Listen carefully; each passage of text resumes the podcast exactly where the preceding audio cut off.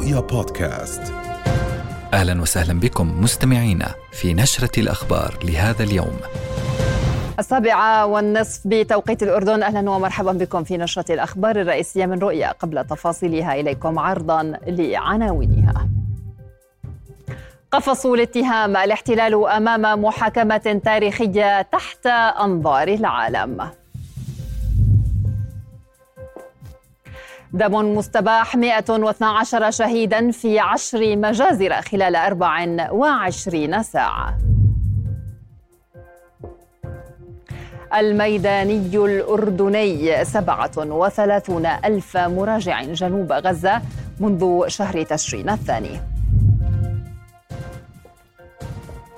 ولمواجهة التحديات النقد الدولي يقر برنامج إصلاح لأربع سنوات.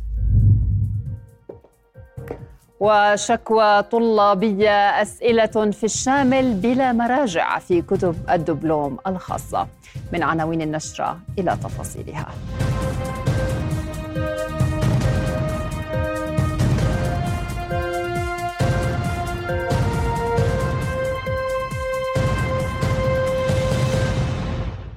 تلقى جلالة الملك عبد الله الثاني اليوم اتصالا هاتفيا من الأمين العام للأمم المتحدة أنطونيو غوتيريش تم خلاله بحث التطورات الخطيرة في غزة وضرورة الوقف الفوري لإطلاق النار وضمان إيصال المساعدات بشكل مستدام.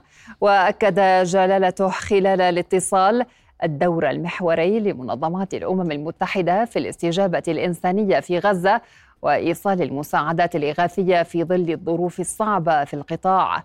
وحذر جلالته من التبعات الكارثية لتوسيع دائرة الصراع لتمتد إلى الإقليم داعيا المجتمع الدولي إلى الالتفات إلى التصعيد الخطير ضد الفلسطينيين في الضفة الغربية والقدس. الاحتلال اقترف افعالا ترقى إلى إبادة جماعية والعالم يقف شاهدا على تهجير 85% من سكان غزة. هذا ما أشار إليه الفريق القانوني لجنوب أفريقيا في أولى جلسات قضية الإبادة الجماعية التي بدأتها محكمة العدل الدولية اليوم. ولأول مرة تمثل إسرائيل القوة القائمة بالاحتلال أمام المحكمة في لاهاي. لتطلب جنوب أفريقيا من المحكمة إصدار أمر عاجل يعلن أن إسرائيل تنتهك التزاماتها بموجب اتفاقية منع جريمة الإبادة الجماعية لعام 1948 ومن المتوقع أن يصدر حكم في وقت لاحق من هذا الشهر بشأن الإجراءات العاجلة. هذه الأجراس قرعت هنا في لاهاي لتنذر بساعة المحاسبة. إنها قضية القرن أمام محكمة العدل الدولية. فكل شيء يشي بأن تل أبيب في مأزق قانوني لا مسبوق. عقب انطلاق أولى جلسات المحكمة للنظر في الدعوى التي تتهم فيها جنوب إفريقيا تل أبيب بارتكاب جرائم إبادة جماعية ضد سكان قطاع غزة مشفوعة بطلب لوقف الحرب بشكل عاجل. وعلى مرأى من العالم يدخل محامون يمثلون جنوب إفريقيا وآخرون يمثلون تل أبيب إلى قاعة المحكمة التي تجسد ثقل القانون. فالقرار الذي سيصدر عنها سواء لصالح أو ضد الدعوة سيكون له أثره الكبير ولو بعد حين. فرفض تنفيذه أمر خطير جدا. وتقدم جنوب إفريقيا مرافعة من 84 صفحة. تستند إلى إلى حقيقة استشهاد آلاف الفلسطينيين في غزة وتشريدهم بشكل جماعي وتدمير منازلهم. إلى جانب التصريحات التحريضية التي أدلى بها عدد من المسؤولين الإسرائيليين والتي تصور الفلسطينيين على أنهم دون البشر وأنه يتوجب إنزال العقاب الجماعي بهم وهو يمثل إبادة جماعية ودليلا على النية بارتكابها. لم يكن مستغربا أن تتصدى لرفع الدعوى تلك الدولة التي عانى شعبها من نظام الفصل العنصري عقودا عدة ولأن التاريخ الطويل والإرث النضالي الكبير الذي يميز هذه الدولة وشعبها في مواجهة سياسة الاستعمار الاستيطاني يرفعان مستوى الإحساس بالمسؤولية الأخلاقية والإنسانية. لدى الشعب وقادته فكانت أعلى الأصوات المتضامنة منذ الأيام الأولى للحرب على غزة تصدح من هناك. مراقبون يرون إيجابية أن تكون جنوب إفريقيا هي التي رفعت الدعوة لكونها دولة غير عربية ما يظهر أن القضية ليست مجرد طرف عربي مقابل طرف إسرائيلي فحسب. وكانت تل أبيب وافقت على المثول أمام المحكمة بذريعه أنها تريد دحض ما وصفتها بالاتهامات السخيفة التي تفتقر إلى أي أساس واقعي أو قانوني وبذلك تكون قد قبلت أن ترتدي البدلة البيضاء وفق تعبيرات بعض الفلسطينيين والنشطاء العرب. أما خارج جدران هذه المحكمة سجل الآلاف موقف تضامن ومؤازرة معبرين عن شكرهم لجنوب إفريقيا ودعمهم للقضية الفلسطينية وشعبها. وكان الأردن أولى تلك الدول التي رفعت صوتها تاييدا ومساندة للدعوة. Thank you, thank you. South Africa, thank you. South Africa, thank you. ربما لا يتوقع أن توقف محكمة العدل الدولية تل أبيب عن غيها وحربها العدوانية ضد الفلسطينيين لكنها ستبني أساسا قانونيا واخلاقيا يدعم الحق الفلسطيني بالوجود. ما يعزز السردية الفلسطينية ويعري الاحتلال وحلفائه أمام البشرية والتاريخ. قدم المرصد الأورو متوسطي لحقوق الإنسان إلى فريق جنوب أفريقيا القانوني في لاهاي ومكتب المفوض السامي لحقوق الإنسان مذكرة معلومات أولية توثق 120 مقبرة جماعية أقيمت في قطاع غزة لاحتضان آلاف ضحايا العدوان في الوقت الذي تناقش فيه محكمة العدل الدولية اتهام جنوب أفريقيا للاحتلال بارتكاب جريمة الإبادة الجماعية منذ السابع من تشرين الأول الماضي. أعلنت وزارة الصحة في غزة أن الاحتلال ارتكب عشر مجازر في القطاع خلال الأربع والعشرين ساعة الماضية. راح ضحيتها 112 شهيدا وأصيب 194 آخرون. وميدانيا استهدفت غارة للاحتلال محيط مستشفى ناصر في خان يونس جنوبي قطاع غزة فيما سجل عدد من الشهداء والجرحى إثر إطلاق جيش الاحتلال النار على فلسطينيين كانوا ينتظرون مساعدات في غرب غزة. هذا وقصفت مدفعية الاحتلال مخيمي البريج والمغازي وسط قطاع غزة كما استهدفت شمال مخيم صيرات وسط القطاع. إلى ذلك أعلن المكتب الإعلامي الحكومي في قطاع غزة ارتفاع عدد الشهداء الصحفيين إلى 117 صحفياً نشرت القوات المسلحة الأردنية الجيش العربي اليوم إحصائية توضح الجهود التي تقدمها المستشفيات الميدانية الأردنية في مساندة الأشقاء الفلسطينيين. وبينت الإحصائية التي نشرت على الموقع الرسمي للقيادة العامة للقوات المسلحة أن المستشفى الميداني الأردني الخاص اثنين في جنوب قطاع غزة أجرى 6566 عملية جراحية منذ بدء عمله في التاسع والعشرين من تشرين الثاني الماضي إلى غاية هذا اليوم. وأشارت إلى أن عدد المراجعين للمستشفى بلغ أكثر من 37 ألف مراجع إلى جانب 563 دخولا إلى أقسام المستشفى. كما بلغ عدد العمليات الجراحية التي أجراها المستشفى الميداني الأردني نابلس واحد منذ بدء عمله في الثالث والعشرين من تشرين الثاني الماضي إلى غاية هذا اليوم وصل إلى 497 عملية جراحية وبلغ عدد المراجعات في المستشفى 20 ألف مراجعة أو مراجعة عفوا إلى جانب 100 وست حالات دخول وصرف ثلاثة عشر ألف وصفة طبية. ومع استمرار الاشتباكات على الأرض أعلنت كتائب القسام استهداف جرافة لجيش الاحتلال بعبوة شواظ شرق مدينة خان يونس جنوبي قطاع غزة وثلاث آليات بقذائف الياسين 105 في محيط منطقة بني سهيلة شرق مدينة خان يونس بالإضافة إلى آلية أخرى بعبوتين مضادتين للدروع. وقالت القسام إنها تمكنت من سرايا عفوا تمكنت مع سرايا القدس من استهداف غرفة قيادة للعدو شرق خان يونس بقذائف الهاون من العيار الثقيل. كما استهدفت كتائب القسام قوة تابعة للاحتلال في منزل بعبوة مضادة للأفراد وأوقعت أفرادها بين قتيل وجريح شرق خان يونس. اغتالت قوات الاحتلال الإسرائيلي قائد كتيبة جبع مجدي فشافشي في جنوبي جنين كما حاصرت منزلين على أطراف القرية. مراسلنا قال إن شابين أصيبا برصاص الاحتلال خلال عملية الاقتحام. واعتقلت أحدهما وهو الشاب باسل ملايشي كما اعتقلت آخر بهدف الضغط على نجله ليسلم نفسه. شيع أبناء بلدة بتونيا في رام الله جثمان الشهيد الشاب فهيم الخطيب والذي ارتقى ليلة أمس متأثرا بإصابته برصاص قوات الاحتلال الحي في الظهر خلال اقتحامها المدينة قبل أيام. الشهيد الخطيب كان قد استشهد متأثرا بإصابته برصاص جيش الاحتلال في مدينة رام الله قبل يومين وباستشهاد الشاب الخطيب يرتفع عدد الشهداء في الضفة الغربية منذ السابع من أكتوبر الماضي إلى 343 شهيدا. والآن ينضم إلينا من الخليل في الضفة الغربية المحتلة مراسلنا محمد العدم. محمد أهلا بك. ضعنا في آخر التطورات الميدانية في مدينة الخليل وأيضا في مجمل مدن الضفة الغربية. تفضل.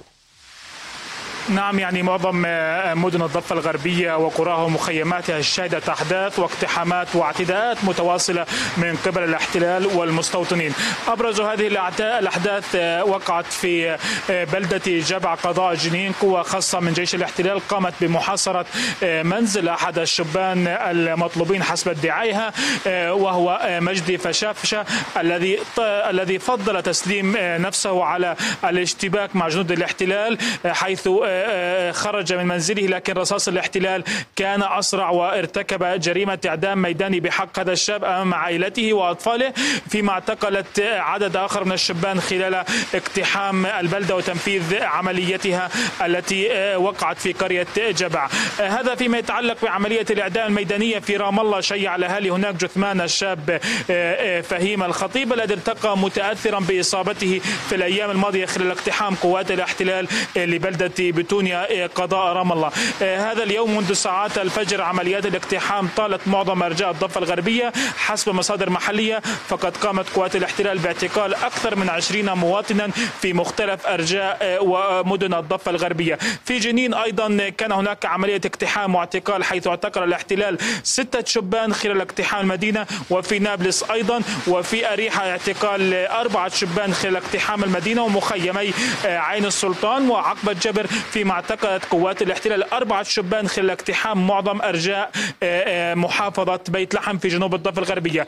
هنا في الخليل يعني ظهر هذا اليوم قوات قوى من جيش الاحتلال قامت باقتحام أحد الأحياء في المدينة آه، ومداهمة أحد المحال وهو مخبز يعمل به أحد الشبان حيث قامت باعتقاله من داخل محله بعد الاعتداء عليه وعلى المحل وتحطيمه بشكل كبير. في ظل اعتداءات الاحتلال واعتقالاته وحملة الحملة المشهورة ضد الأسرى هذا اليوم تم الإفراج أحد الأسرى في محافظة بيت لحم حيث خرج في ظروف صحية صعبة ونقل على إلى أحد المشافي القريبة لتلقي العلاج. قوات الاحتلال وحسب حديثه عفوا السجانين في سجون الاحتلال. وحسب حديث الأسير يقومون بارتكاب مجزرة بحق الأسرى في ظل غياب الأخبار وعدم لقائهم بالمحامين والمؤسسات الدولية حيث قال بأنه حتى آخر لحظة من لحظة الإفراج عنه وانتهاء محكوميته البالغة أربعة أعوام قام الاحتلال بالاعتداء عليه وخرج في ظروف صحية صعبة. نقل إلى أحد المعابر ومن هناك تم نقله نقله ذويه إلى أحد المشافي لتلقي العلاج. فيما يتعلق باعتداءات المستوطنين هي متواصله متواصلة ومتزامنة مع اعتداءات الاحتلال. هذا اليوم المستوطنون بحماية جيش الاحتلال قاموا بتجريف العشرات من الدنومات من أراضي المواطنين في مسافر يطا من أجل الاستيلاء عليها وتوسيع المستوطنة الجاثمة هناك وبالتحديد عند سدة الثغرة حيث قام الاحتلال بالاستيلاء على عشرات الدنومات في هذه المنطقة. في الخليل يعني جرافات الاحتلال قام بتدمير ستة دنومات من أراضي تتبع ومسجلة باسم بلدية الخليل من أجل توسيع مستوطنة مستوطنة تل رميدة القريبة من البلدة القديمة حيث قامت جرافات الاحتلال بتجريف الأرض ووضع بوابة حديدية ومكعبات إسمنتية على مدخلها.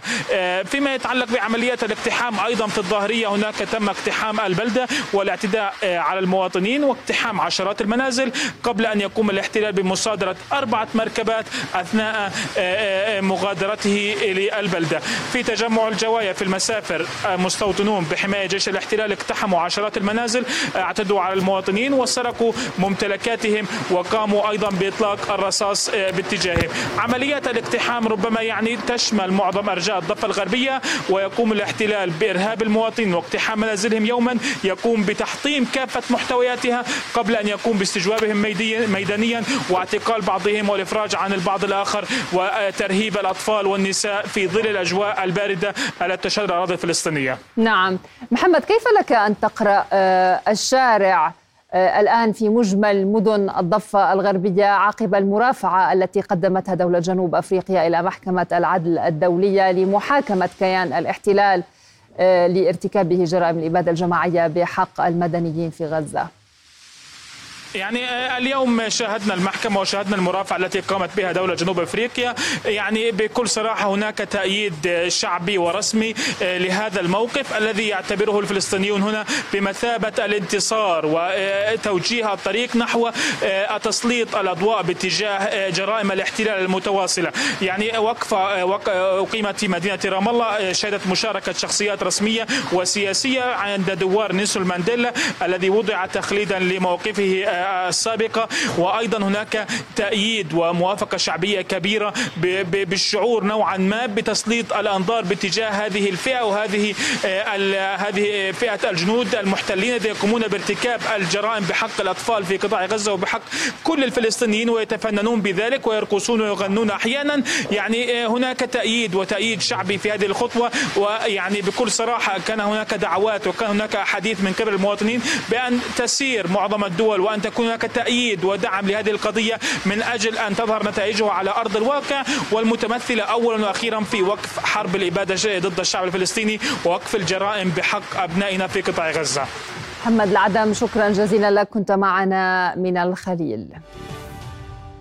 وإلى تطورات على الحدود مع لبنان إذ اودى قصف للاحتلال على بلدة حانين جنوب لبنان. اليوم أودى بحياة لبنانيين من عناصر الدفاع المدني ضمن الهجمات المتبادلة بين جيش الاحتلال وحزب الله اللبناني. مصدر أمني لبناني قال إن مسيرة تابعة لجيش الاحتلال شنت غارة على بلدة حانين بالتزامن مع قصف مدفعي طال أطراف عيترون وثلاث غارات على أطراف بلدتي طير حرفة وشحين من جهة أخرى. أكد رئيس الحكومة اللبنانية نجيب ميقاتي أن الأولوية يجب أن تكون لوقف الاعتداءات الإسرائيلية على لبنان والخروقات المتكررة للسيادة اللبنانية. وبحسب بيان للحكومة اللبنانية فقد أبلغ ميقاتي الموقف إلى مبعوث الرئيس الأمريكي الخاص لشؤون أمن الطاقة العالمي أموس هوكشتاين خلال اجتماعهما في مقر رئاسة الحكومة اليوم. بدوره شدد الموفد الأمريكي على ضرورة العمل على تهدئة الوضع في جنوب لبنان. حركة دبلوماسية نشطة تسابق النار المشتعلة على امتداد الجبهات إذ تستقطب بيروت حراكا مكثفا على محاور متعددة في المنطقة. وتتصدر ظاهرة تقاطر المبعوثين الدوليين خصوصا الغربيين إلى لبنان.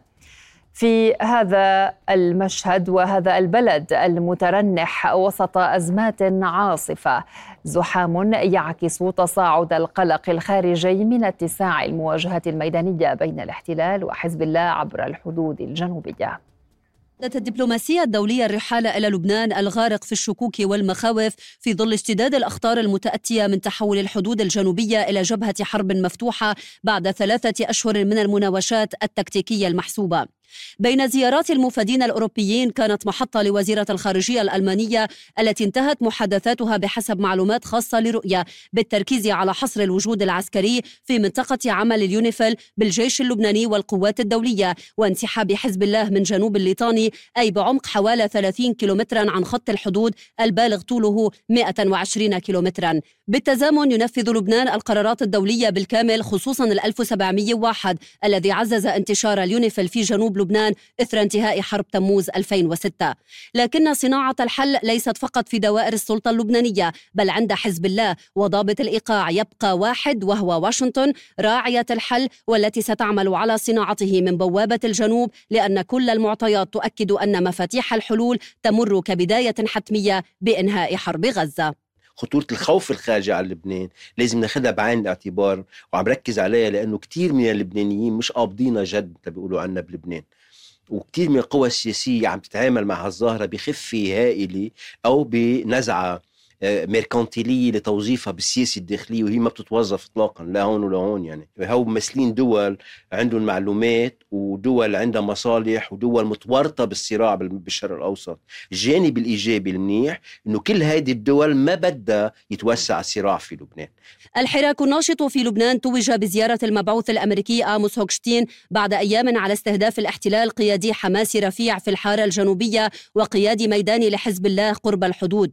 هوكشتين حمل معه ما سمعه من المسؤولين الإسرائيليين وإن كانت المعلومات المتاحة لرؤية تؤكد أنه لم يحمل معه مبادرة متكاملة بل بلورة لخطة عمل قد تشكل نقطة انطلاق بعد نهاية الحرب في غزة. وبدأ لافتا أن المراجع الرسمية اللبنانية حذرت من الإسراف في التوقعات المتصلة بمهمة هوكشتين وفضلت التريث بانتظار انتهاء جولته. لكن مصادر مطلعة تؤكد لرؤية أن الشق الأساسي والعاجل من مهمته يتصل بمحاولة أمريكية متقدمة لتهدئة الجبهات الجنوبية وتقليص رقعة خطر اشتعالها تمهيدا لإحياء جهوده صوب إطلاق مفاوضات بشأن اتفاق لبناني إسرائيلي على الحدود البرية. بالقانون الدولي نحن عندنا 48 مثبت حدودنا عندنا نحن بدنا اعاده بدنا نعمل تسوية على الخط الأزرق مش أكثر وبدنا نعمل تسوية ل مزارع الشبعة. مزارع الشبعة الحل عند السوريين مش عند إسرائيل. هذا رح يقولوا بالمفاوضات مباشرة بينه وبين نبيه بري على الأرجح ورئيس الحكومة طبعا اللي عم بيفاوضوا حقيقة هوكشتين وحزب الله عبر نبيه بري. هذا هو الموضوع. وبانتظار الأصداء التي يفترض أن تتركها مهمة هوكشتين تؤكد مصادر لرؤية أن الحل السياسي يبدو صعبا ومعقدا والأكيد أن استعراض القوة على الجبهة سيكون جزءا من عملية التفاوض. لا شك أن المنطقة على مفترق طرق إما بين التسوية أو الحرب الكبرى وعلى الرغم من زحمة المفادين لا يبدو أفق هذه الحرب مفتوحا على حلول أقله في الوقت الحالي. فالميدان يتقدم على الحراك الدبلوماسي والكلمة الفصل تبقى للوقائع العسكرية والتصعيد على الجبهات. من بيروت جوانا نصر الدين رؤيا. آخر أخبار الاقتصاد يقدمها لنا زميل حمدان عايش. مساء الخير حمدان. مساء الخير ليلى.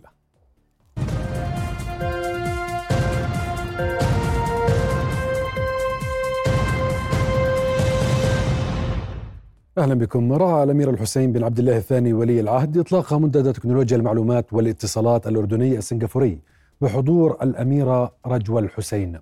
وأوضح سموه أن الأردن يطمح لأن يكون قوة صاعدة في المشهد التكنولوجي العالمي لافتا إلى أهمية التحول الرقمي وريادة الأعمال في تعزيز الإبداع وتحويل الأفكار إلى واقع. ودعا سموه رجال الأعمال والخبراء والمديرين التنفيذيين إلى زيارة الأردن للاطلاع على قطاع تكنولوجيا المعلومات وريادة الأعمال بالمليء بالطاقات والمواهب الأردنية. من جهته قال وزير الاقتصاد الرقمي والريادة أحمد الهنانده إن الأردن يرفض القطاع التكنولوجي بالمواهب وعدد خريجيه أكثر من ثمانية ألاف طالب في التخصصات المرتبطة بتكنولوجيا المعلومات سنويا. واشتمل المنتدى على عروض تقديمية لشركات التكنولوجيا الأردنية البارزة ونقاشات مثمرة تهدف إلى جلب الشركات العالمية إلى الأردن. وافق المجلس التنفيذي لصندوق النقد الدولي على برنامج إصلاح اقتصادي جديد للأردن بقيمة مليار و200 مليون دولار ولمدة أربع سنوات. بهذه الموافقة سيتمكن الأردن من الحصول فورا على حوالي 190 مليون دولار أمريكي. وزير المالية الدكتور محمد العسعس قال أن البرنامج يتميز بعدم فرض أي زيادات ضريبية جديدة ويؤكد على استمرار مكافحة التهرب والتجنب الضريبي. صندوق النقد الدولي أكد في بيان أن البرنامج الجديد سيعزز من مناعة الأردن ويساعده على الحفاظ على الاستقرار في مواجهة الصدمات الجديدة وبموجب البرنامج يجب على الحكومة إعادة بناء هوامش ماليه وقائية خصوصا الاحتياطات الأجنبية وتمكين القطاع الخاص لخلق فرص العمل واستمرار تنفيذ السياسات والإصلاحات المالية عبر توسيع القاعدة الضريبية والتجديد على رفع كفاءة الأنفاق إضافة إلى تعزيز شبكة الحماية الاجتماعية وتسهيل بيئة الأعمال ودعم النمو فضلا عن التزام البنك المركزي بالحفاظ على نظام سعر الصرف الثابت مع الدولار الأمريكي. تراجعت حركة بيع العقار في الأردن بنسبة 5% العام الماضي لتصل إلى 156523 عقارا بحسب تقرير دائرة الإحصاءات أو دائرة الأراضي والمساحة. التقرير أظهر أن الأراضي الأكثر مبيعا بعدد قارب 121 ألف قطعة أرض فيما تم بيع قرابة 36 ألف شقة في العام الماضي.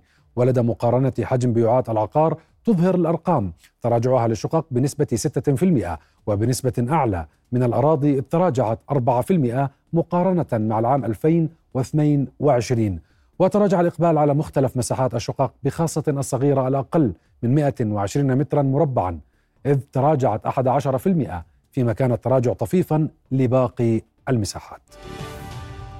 قال رئيس الوزراء الدكتور بشر الخصاوني اليوم إن جلالة الملك وجه إلى التسريع في مراجعة القوانين المتعلقة بالتعدين حسب أفضل الممارسات الدولية لجذب أقوى الشركات في هذا المجال. وخلال افتتاحه مبنى الإدارة العامة الجديد للشركة في غور الصافي قال إن هناك توجيها ملكيا بضرورة وضع استراتيجية لتطوير منتجات جديدة من شركتي البوتاس والفوسفات والاستفادة من المنتجات ذات القيمة الأعلى من الخامات. وأكد أن الحكومة تتطلع إلى المزيد من الإنجازات للشركة سيما في ظل سعينا الحثيث لتحقيق مستهدفات رؤية التحديث الاقتصادي.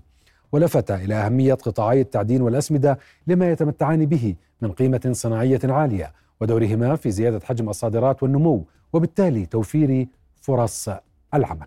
أؤكد على أهمية الشراكة مع الشركات الوطنية العاملة في قطاعي التعدين والأسمدة ومن هنا مرة, مرة أخرى أذكر بأنني أشرت إلى أنني وجهت آه، وطلبت من معالي رئيس مجلس إدارة آه، شركة البوتاس ورئيس مجلس إدارة الفوسفات آه، بأن يباشروا إلى استكشاف والانتقال من من الإطار التفاوضي وإطار الحديث للاطار التنفيذي للتأسيس لمثل هذه الشراكات التي تعود بالنفع على الوطن ولبناء شراكات تكاملية فيما بينهما بينهما والدخول في شراكات عالمية من شأنه الارتقاء بالقيمة المضافة لهذه الصناعات ولترسيخ تنافسية المملكة آه، في مجال إنتاج الاسمده عالميا. كذلك نحن ملتزمون كحكومة بتوفير التسهيلات لدعم الاستثمارات القائمة والتوسع في هذه الاستثمارات وضخ المزيد منها في مختلف القطاعات توقعت المؤسسة العربية لضمان الاستثمار وائتمان الصادرات أن يحقق الاقتصاد العربي نموا بنسبة 3.5% تقريبا العام الحالي مدفوعا بالنمو المرجح لتسعة اقتصادات نفطية تسهم بنحو 78% من الناتج العربي. المدير العام للمؤسسة عبد الله أحمد صبيح قال إن التوقعات المتفائلة وفقا لمؤشرات صندوق النقد الدولي مرتبطة بسيناريوهات العدوان على قطاع غزة وأثرها على أسعار النفط العالمية والأوضاع الاقتصادية والسياسية لدول الجوار بالإضافة إلى تأثير الانتخابات الرئاسية والتشريعات ذات الأهمية والمقرر إجراؤها في 40 دولة خلال عام 2024 وتوقعت المؤسسة تراجع معدل التضخم في المنطقة العربية إلى 11.7% العام الحالي بعدما سجل ارتفاعا إلى 12.1% العام الماضي. رغم إدانة مجلس الأمن الدولي الهجمات التي شنها الحوثيون على السفن في البحر الأحمر تسيطر مخاوف في الأسواق من حدوث اضطراب طويل الأمد. في التجارة العالمية يماثل تعطل سلاسل الإمداد خلال تفشي جائحة كورونا. تجار التجزئة يسابقون الزمن لزيادة مخزوناتهم من السلع في ظل التوترات في البحر الأحمر بعد تغيير شركات شحن مسارها. كما تتوعد دول باتخاذ إجراءات تصعيدية إذ لم تتوقف الهجمات التي تستهدف السفن التجارية لجميع دول العالم حيث أعطى قرار مجلس الأمن الدولي الدول الأعضاء الحق في الدفاع عن سفنها ضد الهجمات. من جهتها أكدت مصر بعد تراجع حركة نقل البضائع عبر قناة السويس 35% الأسبوع الماضي مقارنة بالفترة نفسها من العام الحالي. على محورية أمن وسلامة الملاحة البحرية بالبحر الأحمر للأمن القومي المصري في ضوء ارتباطه الوثيق بقناة السويس التي يمر عبرها نحو ثلث سفن الشحن العالمية بحسب بيان حكومي. إلى هنا نصل إلى نهاية أخبار الاقتصاد. عودة إليك ليلى. شكرا حمدان.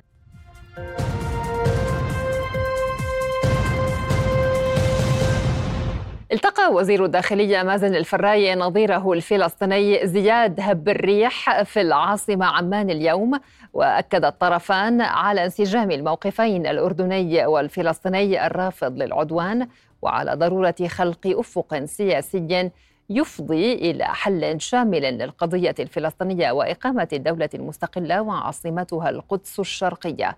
وزير الداخلية الفلسطيني أشار إلى أن الزيارة تهدف إلى الاكتساب من تجربة الأردن الرائدة في المجالات الأمنية وفي تطبيق وإنفاذ القانون وتقديم الخدمات النوعية بكفاءة وفاعلية للمواطنين إضافة إلى مشاركة التجربة الفلسطينية الطموحة مع الأردن من باب التبادل والاستفادة المشتركة. يأتي هذا اللقاء ونحن نشعر بالحزن والألم تجاه المأساة الإنسانية المستمرة في قطاع غزة والتي راح ضحيتها الكثير من الشهداء وخاصة من النساء والأطفال الأبرياء.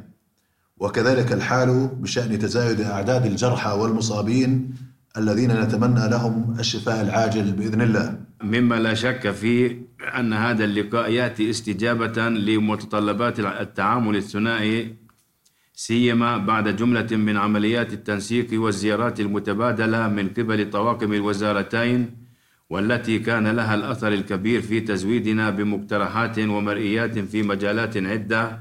أبرزها موضوع الاستجابة للطوارئ وذلك من خلال ما قدمته إدارة قيادة العمليات والسيطرة في مديرية الأمن العام. من عروض معمقة عن تجربة عن تجربة عن التجربة الأردنية مما سيساهم في إنشاء وتطوير مركز الاستجابة الموحد للطوارئ 911 في دولة فلسطين. نفذ عدد من طلبة الشامل المتقدمين لامتحان الدورة الشتوية في تخصصات المحاسبة والتمريض وإدارة الأعمال وقفة أمام كلياتهم في عدد من المحافظات لوجود ما وصفوه بأسئلة لا مرجع لها في كتب الدبلوم الخاصة إضافة إلى أن جزءا من الامتحان يختص بأسئلة التفكير الناقد والاستنتاجي. طلبة استطلعت أو استطلعت رؤيا آرائهم قالوا إنهم لاحظوا وجود أخطاء في الأسئلة وأنها لا تراعي الفروق الفردية على حد قولهم. من جهته قال مدير اختبارات الشامل في جامعة البلقاء التطبيقية الدكتور إحسان السرحان إنه يتم تغيير الأسئلة من بنك الأسئلة فيما يعتمد الطلبة على دوسيات الأساتذة للدراسة مؤكدا أن أسئلة امتحانات الشامل تدقق من قبل اساتذه الشامل بناء على توصيات عمداء الكليات وأنها لم تحمل أي مفاجآت داعيا لانتظار النتائج لاتخاذ القرارات بناء عليها. ويتقدم الامتحانات التي بدأت يوم الأربعاء الماضي 6319 طالبا وطالبة من 53 كلية جامعية وجامعية متوسطة. الامتحان كان هو يعني عبارة عن امتحان تعجيزي آه، ما بيراعي فروقات الطلاب. الامتحان كان عبارة عن خمس وست أسطر يعني الطالب متى بده يلحق يعني يقرأ السؤال عشان يجاوبه. آه، يعني هلأ إحنا عنا استعداد إنه إحنا يعني نجيب أي دكتور من كليتنا ونواجهه بالأسئلة ويحكي لنا إنه هذا السؤال من منهاجنا أو مش أو من خارج منهاجنا. والوقت أبدا ما كان كافي. كانوا يحكوا لنا عن الاعتراض إنهم بدهم يحسبوا آه، كم طالب معترض على السؤال طب إحنا ما كنا نعرف عن الاعتراض؟ إيه أنا أول دفعة تمام؟ خريج صيفي أول دفعة. والدكاترة كلها بتشهد. إيه فتنا على الامتحان أنا جاي على الامتحان بدي أطلع من الامتحان أول مملكة. جاي على الامتحان قاري كتب بدي أطلع أول مملكة. إيه فت على الامتحان واجهت أسئلة من صعوبتها بطلت أقدر أفكر صرت الطم يعني أنا كطالب دبلوم آه مش مطالب إني أصرف دواء لمريض. أنا كطالب دبلوم مش مطالب إني تجيني أسئلة آه آه فحوصات وأني أعرف الفحص إنه طبيعي ولا مش طبيعي. هذا تخصص دكتور. تفاجأنا بتسعة الشهر كان عندنا امتحان ورقة ثالثة شامل. فاجأنا إنه الأسئلة كلياتها اللي أجتنا في الامتحان أسئلة من خارج الخطة. إيه، كانت قبلها وحدة التقييم الامتحانات منبهة. أساتذة الخصوصي وكليات المدرسة كليات الجامعة إنه أساتذة الخصوصي ما بيعرفوا يدرسوا وما بعطوا الطلاب ال- المعلومات الصافية. فبالتالي كل الامتحان اللي أجا كان هدفه إنهم يثبتوا لأساتذة الخصوصي إنه أنتم ما بتقدروا تدرسوا الطلاب الشامل. فالطالب راح في النهاية كبش فدا لوحدة التقييم الامتحانات. لما فتنا على الامتحان أغلب الأسئلة اللي كانت بتجينا أسئلة كلياتها critical thinking وبنفس الوقت كيسات. ولما راجعنا الدورات السابقة ما كان في نمط الأسئلة هاي موجود. فإحنا لاحظنا إنه هاي الأسئلة جاية خصوصا للكليات وبسنتنا تحديدا عشان تثبت شغلة معينة مش لأجل الطالب. كشف مفتي عام المملكة الدكتور أحمد الحسنات عن إصدار دائرة الإفتاء العام 225 ألف فتوى العام الماضي 2023 أصدرها 45 مفتن وبين الحسنات أمام اللجنة المالية النيابية أن عدد القضايا الزوجية والأسرية التي تحلها الفتاوى ضعف القضايا التي تتحول إلى المحاكم النظامية. وقال قاضي القضاء الدكتور عبد الحافظ الربطة إنه تمت أتمتة 73 خدمة من خدمات دائرة قاضي القضاء بما يضمن تحسين كفاءة وفاعلية العمليات والخدمات المؤسسية لخدمة المواطنين. صدر عندنا في العام الماضي ما يزيد عن 225 ألف فتوى خلال العام. هذه ال 225 ألف فتوى مقسمة على عدد مفتين لا يتجاوز 45 مفتي. أتمنى أنه لو يقسم هذا العدد على المفتين لتروا كم كم تكون نصيب وحصة كل مفتي من الفتاوى. قسموها وشوفوا أنتم الرقم كم بيطلع. 225 ألف فتوى. عدد المفتين العاملين في دائرة الإفتاء العام بما فيهم المفتي العام والأمين العام 47 مفتي. بهذا نكون قد وصلنا لنهاية هذه النشرة. إلى اللقاء.